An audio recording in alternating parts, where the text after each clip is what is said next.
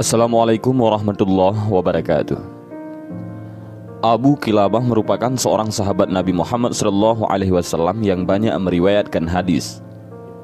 Nama lengkapnya adalah Abdullah bin Zaid al-Jarmi. Sepanjang hidupnya, sosok dari Basrah tersebut dikenal sebagai ahli ibadah yang zuhud. Beliau wafat di Suriah pada tahun 104 Hijriah. Beliau adalah sahabat Rasulullah SAW yang terakhir kali wafat. Orang-orang Muslimin yang pernah berjumpa dengan Nabi Muhammad SAW sebelumnya telah terlebih dahulu berangkat ke rahmatullah. Di antara keteladanan Abu Kilabah tergambar dalam kisah yang dituturkan oleh Abdullah bin Muhammad. Kisahnya, suatu ketika peperangan berkecamuk di daerah sekitar Syam. Abdullah terlepas dari sesama prajurit Muslim dan terdampar di sebuah tanah lapang dekat pesisir. Bekal yang dimilikinya kian menipis, sedangkan dia sendiri tak tahu arah. Langkah kakinya terhenti. Samar-samar, dia melihat adanya kemah yang berdiri tegar di terpa angin gurun. Abdullah pun mendekati tenda yang terkesan kumuh itu. Di dalamnya, dia mendapati seorang tua yang kedua tangan dan kakinya tak lengkap lagi. Tidak hanya itu, Abdullah kemudian menyadari Pendengaran orang tua tersebut tidaklah normal. Matanya pun telah rabun. Hanya lidahnya yang masih fasih berkata. Diam-diam, Abdullah menyimak untayan kata dari lisan pemilik tenda itu.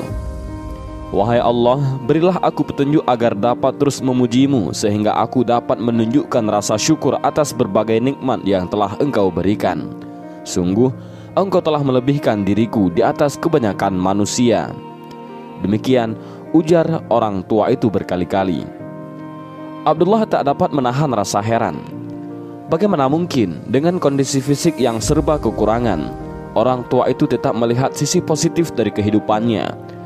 Dengan pelan, dia membisikkan pertanyaan ke pemilik tenda itu. Sesudah beberapa lamanya mengucapkan salam. Wahai Tuan, aku mendengarmu tadi berkata demikian, dan engkau baru saja menyatakan Allah telah melebihkanmu di atas banyak orang. Nikmat apa yang telah Rabbmu anugerahkan sehingga engkau memuji Allah atas nikmat tersebut? Apa kelebihan yang engkau maksudkan? Yang ditanya kemudian berkata, Bagaimana mungkin engkau tidak melihat apa yang telah dilakukan Tuhan kepadaku? Demi Allah, seandainya ada halilintar datang menerjangku, menghanguskan tubuhku, atau gunung-gunung diperintahkan Allah untuk menindihku, atau laut menenggelamkanku, bumi menelan tubuhku. Dengan itu semua, aku akan tetap bersyukur kepada Rabku. Bahkan aku kian bersyukur sebab dia telah memberikan nikmat berupa lidah ini. Orang tua itu menunjukkan pada bibirnya. Abdullah masih menunjukkan raut wajahnya yang heran. Wahai hamba Allah, lanjut sang tuan rumah. Engkau telah datang ke dalam tendaku. Mungkin Engkau memerlukan bantuan? Tanya orang tua yang buta itu. Sebelum Abdullah sempat menjawab, orang tua itu lebih dahulu berkata, "Kalau diriku memang tidak bisa berbuat apa-apa untuk menolongmu. Aku tidak mampu bergerak, bahkan bila ada bahaya sampai ke tenda ini. Hanya saja, aku memiliki seorang anak laki-laki. Kepada dialah aku sering meminta pertolongan. Bila tiba waktunya sholat, dia membantuku untuk berwudu Kapan pun aku lapar, dia datang dengan makanan lalu menyuapiku. Ketika aku haus, dia memberiku minum. Tutur orang tua itu. Abdullah melihat ke seliling bagian dalam tenda itu. Tak satupun dia melihat orang selain dirinya sendiri dan orang tua ini. Seolah-olah menjawab keheranan itu, sang pemilik tenda itu menjelaskan lagi. Namun, sudah tiga hari belakangan ini, aku tidak lagi mendengar atau melihat anakku itu aku kehilangan dirinya.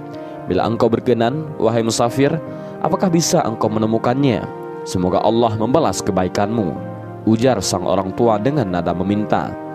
Abdullah yang awalnya datang hendak meminta pertolongan kini menjadi pihak yang menolong. Sesungguhnya dia bisa saja mengabarkan kepada orang tua itu betapa daerah kosong pesisir pantai ini tak dijumpainya orang satupun akan tetapi, sebaiknya jangan memupus harapan sebelum benar-benar berupaya. Abdullah pun keluar dari tenda kecil itu. Dia berjalan ke sana kemari, mencoba menelusuri keberadaan si anak yang hilang. Demi Allah, Aku menunaikan keperluan terhadap saudaraku yang seiman. Insya Allah, Allah memberikan pahala yang besar kepadaku. Kumamnya di dalam hatinya. Tiba-tiba, Abdullah mendapati jejak kaki manusia di dekatnya. Dia pun terus menelusuri, sampailah dia pada pemandangan yang sangat memilukan. Bocah lelaki yang dicarinya itu ternyata sudah meninggal diterkam kawanan singa. Innalillahi wa inna ilaihi raji'un. Bagaimana caranya aku memberitahukan hal ini kepada orang tua itu? Sebelumnya dikisahkan bahwa Abdullah mendapati anaknya Abu Kilabah telah meninggal dunia dengan cara yang tragis. Maksudnya adalah diburu oleh hewan buas. Meski sempat terkejut, setelah beberapa saat Abdullah pun dapat meyakinkan dirinya sendiri. Bagaimanapun, orang tua itu harus mengetahui kematian anaknya. Pada waktu itu, Abdullah belum menyadari bahwa orang tua yang ada di dalam tenda itu adalah Abu Kilabah. Biarlah Allah Subhanahu wa taala yang menentukan bagaimana nasibnya nanti. Assalamualaikum, ujar Abdullah ketika memasuki tenda. Waalaikumsalam, jawab orang tua itu. Engkaukah itu yang tadi menemuiku? Iya, kata Abdullah. Bagaimana hasilnya dengan pencarianmu tadi? Adakah engkau berhasil menemukan anakku? Tuan, apakah engkau tahu tentang kisah Nabi Ayub alaihissalam? Abdullah mencoba membuka penjelasannya. Tentu saja, dia merupakan salah seorang rasul yang mulia. Engkau mengetahui bagaimana Nabi Ayub diuji oleh Allah.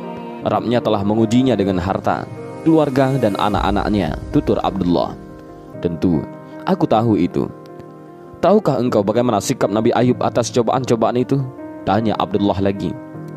Ia selalu bersabar, bersyukur, dan memuji Allah, jawab orang tua tersebut. Sekalipun Nabi Ayub dijauhi kerabat dan sahabat-sahabatnya. Betul, ia tetap demikian, bersyukur dan memuji Allah. Langsung saja, apa maksudmu dengan menceritakan perihal Nabi Ayub? Semoga Allah merahmatimu, Tanya orang tua itu karena merasakan ada maksud dari tamunya tersebut. Sungguh, aku telah menemukan putramu, tetapi dia telah meninggal dunia. Jasadnya ada di antara gundukan pasir itu dan diterkam kawanan binatang buas.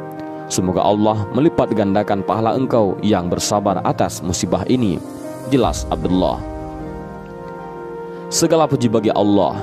Dia telah menciptakan bagiku keturunan yang tidak bermaksiat kepadanya kata orang tua itu. Tak lama kemudian, pemilik tenda tersebut menarik nafas panjang dan meninggal dunia. Innalillahi wa inna ilaihi raji'un, ujar Abdullah. Kini Abdullah menjadi bingung, apa yang akan dilakukannya terhadap jasad orang tua itu. Tidak mungkin membiarkannya begitu saja. Jangan sampai sekumpulan binatang buas mendekatinya lalu memakannya. Awalnya, Abdullah menutupi jasad tersebut dengan kain yang ada di dekatnya. Dia pun keluar dari tenda untuk mencari-cari bantuan. Tak disangka, Abdullah melihat dari arah nan jauh di sana beberapa orang sedang menunggangi kuda. Salah satu dari mereka tampak lebih rapi. Pakaiannya yang berwarna keperakan memantulkan sinar matahari. Abdullah pun berteriak dan melambaikan tangan kepada mereka. Orang-orang itu pun menyadari panggilan tersebut. Mereka pun mendekatinya. Ada apa wahai hamba Allah? Tanya mereka. Aku meminta bantuan kalian, jawab Abdullah sambil menunjukkan tenda asalnya. Di dalam sana ada jenazah seorang tua. Dia baru saja meninggal. Orang tua bagaimana? Tanya pria yang memakai baju merah. Abdullah pun menuturkan perawakan wajah serta kondisi fisik orang tua yang baru saja wafat itu. Orang-orang yang ada di hadapannya justru menjadi terkejut. Bukankah beliau yang kita cari? seru salah satu di antaranya. Mereka pun bergegas masuk ke dalam tenda. Pria yang berpakaian mewah lantas membuka penutup wajah jasad itu. Kemudian dia memeluknya dan menangis terseduh-seduh. Menyaksikan itu, Abdullah tentu saja keheranan. Ya Allah, Engkau telah memanggilnya. Dia yang matanya selalu jauh dari melihat hal-hal yang diharamkanmu dia yang selalu sujud tatkala orang-orang lelap tidur, kata orang itu. Siapakah orang ini? Mungkin Tuan dapat menceritakan untukku. Tanya Abdullah. Setelah mereda tangisnya, orang itu pertama-tama memperkenalkan dirinya. Dia adalah seorang utusan raja muslim yang memang ditugaskan untuk mencari-cari keberadaan orang tua tersebut. Beliau yang wafat ini adalah Abu Kilabah Al-Jarmi. Dia adalah salah seorang sahabat Rasulullah Shallallahu Alaihi Wasallam. Jawab utusan raja itu. Kami mencarinya ke mana-mana sebab raja kami hendak meminta beliau untuk menjadi kadi di istana. Akan tetapi, kabar itu lebih dahulu tiba kepadanya, sehingga beliau lari dari negeri kami. Dia membawa serta seorang anak laki-laki. Tadi kami menemukan jasad putranya dimakan singa. Cerita pendamping utusan raja itu. Akhirnya, Abdullah pun menyadari sahabat Nabi Muhammad SAW bernama Abu Kelabah ini tidak ingin terseret menjadi ulama penguasa. Maka dari itu, ia lebih memilih menyingkir ke padang pasir yang tandus, meski akhirnya kehilangan kedua kaki dan tangannya serta meninggal dunia. Ketika orang itu lantas mengurus jenazah Abu Kilabah dan mensalatkannya, utusan raja itu kembali ke negerinya dengan hati yang amat sedih. Dan inilah kisah tentang sahabat Rasulullah Shallallahu Alaihi Wasallam yang terakhir, Abu Kilabah Al Jarmi. Mudah-mudahan kisah singkat ini bermanfaat. Wallahu a'lam bishawab. Assalamualaikum warahmatullahi wabarakatuh.